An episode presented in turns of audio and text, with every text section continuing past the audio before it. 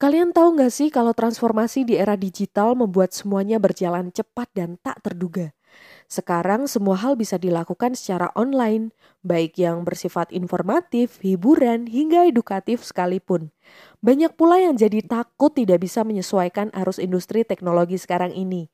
Padahal belajar dan mengembangkan kemampuan sekarang bisa dengan mudah dilakukan kapan pun, di mana pun dengan pelatihan online. Mau belajar dari dasar? Bisa.